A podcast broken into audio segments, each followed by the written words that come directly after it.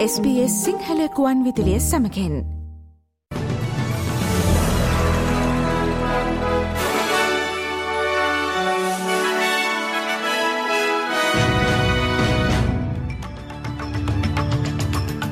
අද නොවම්බර් මාසේ දාහත් වනිදා සිකුරාදා SBS සිංහල සේවේ ප්‍රෘතිගෙනන මම දිනේශා දිල්රුක්ෂී විජේසූරිය.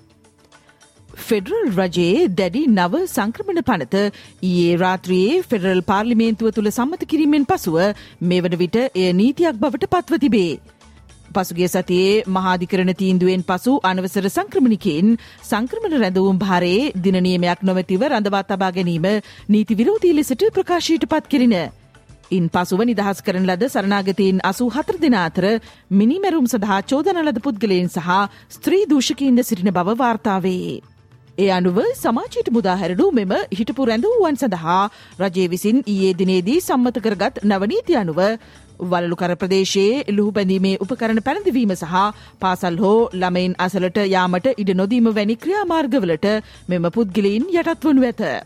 සෙනෙත් සභාවේදී අදහස් දක්වමින් කෘෂිකර්මාමාත්‍ය මරේවොට් පවසා සිටියේ මහතිකරණ තීන්දුවෙන් පසුව මෙම පුද්ගලයින් සමාජයට මුදාහැරීමට පෙර රජයට ඔවුන් සඳහාවන නිසි ක්‍රියාමාර්ග ගැනීමට සිදුව තිබුණු බවායේ. I've readily acknowledged that there's a degree of constitutional risk here, but as I say, the alternative is to do nothing, and that seems to be what the Greens Party position is, and we don't believe that that's what the Australian people would expect from this parliament. San ෆ්‍රන්සිස්කෝහි පැවැත්වෙන ආසිය Pacific ආර්ථික සහයෝගීතා සමුළුවේ හෙවත් APEC සමුළුව සඳහා සහභාගී වී සිටින අගමැති ඇන්තනයල් පිණිසි රාජනායකයෙන් සහ ලොව ප්‍රධාන බහුජාතික සමාගමල නියෝජිතයෙන් හමුවේ රැස්වීම් ගණනාවක් පවත්වයි. අගමැති ඇන්තනි ඇල්බනීසි ඊයේ මයිකරෝසොෆ්ට් සමාගමෙහි ප්‍රධාන විදායක නිලධාරී සත්‍යා නඩිල්ලා මුණගැසී තිබේ. එහිදී ඔවුන් මයිකරෝසොෆ්ට් සමාගම ඔස්ට්‍රේලියාවේ ආයෝජනී කිරීමට නීමිත ඩොල බිලියන පහක ආයෝජනය සහ කෘතිම බුද්ධිය මත පදනම් වූ සේවා භාවිත කිරීම ගැන සාකච්ඡා කොට තිබේ. අගමති ඇන්තනි ඇල්බනිසි හට කැනේඩියානු අගමැති ජස්ට්‍රීන් ට්‍රඩෝ හමුවීමටද අවස්ථාවක් ලැබින.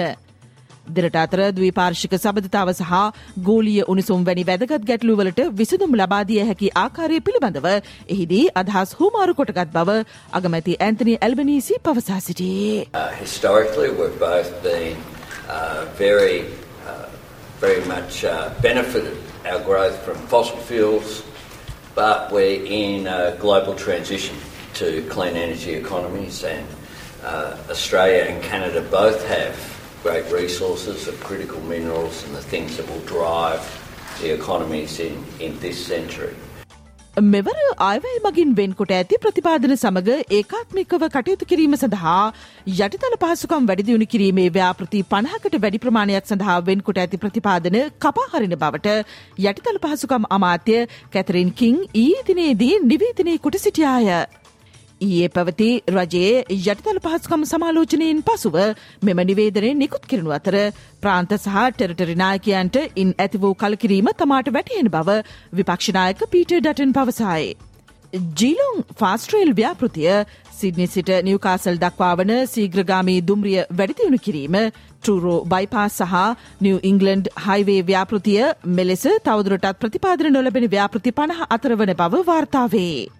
කෙසේ වෙතත් ප්‍රතිපාදන කපා හැරුණු මෙම ව්‍යාපෘති ක්‍රියාත්මක කොට ඇත්තේ ප්‍රාන්ත සහ ටෙරටරිවල පවතින රථවාහන තදබදය පිළිබඳ ගැටලු සමනය කිරීමට උපකාරී කිරීම සඳහා බව විපක්ෂනායක පීටර් ඩටන් පවසා සිටියේ. What we'd done with this plan was uh, provided money to state governments and to local councils to help them you know, bust some of that congestion. And now the government's ripped that money out and it's just going to make congestion harder. And th- this is the problem. It's not just housing where the government's failing, but it's also the infrastructure that's required with it the parks, the hospitals, the roads, the bridges. And this money was on the table for those projects, and that's why Labor premiers are extremely angry at, uh, at the Labor Prime Minister.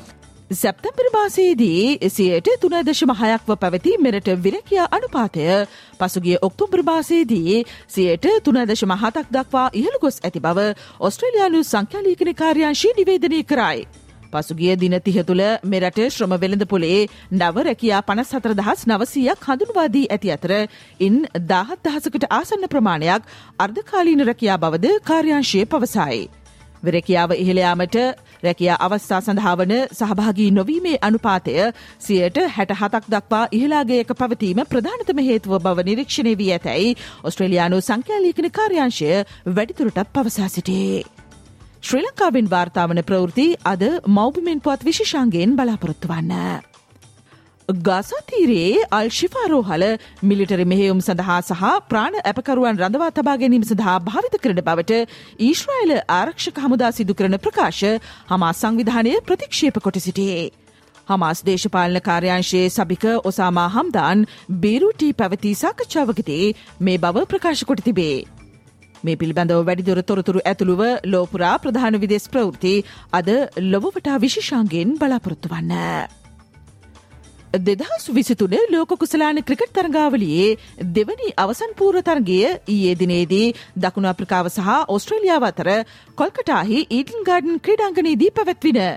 එම තරගේ කඩලු තුනකින් ජයග්‍රහණය කිරීමට ඔස්ට්‍රේලියාව සමත්විය. කාසිවාසේ දිනාගත් දකුණු අප්‍රිකාව මුලින්ම පන්දුවට පහරදුන් අතර ඕවර හතලිස් නවයයි පන්දු හතරකදී සියලු දෙනා දැවී ලකුණු දෙසිය දොළහක් රැස්කර ගැනීමට දකුණු අප්‍රිකාව සමත් වූයේය.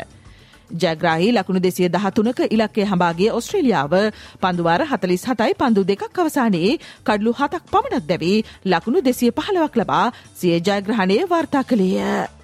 ඒ අනුව මෙවර ලෝකුසලානේ අවසන් භාතරගය ඔස්ට්‍රේලියාව සහ ඉන්දියාව අතර මෙම ඉරිදා පවත්වීමට නියමිතයි. ශ්‍රී ලංකාවේත් ඔස්ට්‍රේලියාවත් ක්‍රීඩා පිටිවල නවතම තොරතුරු අද සතිය ක්‍රීඩා විග්‍රහයෙන් බලාපොරොත්තු වන්න.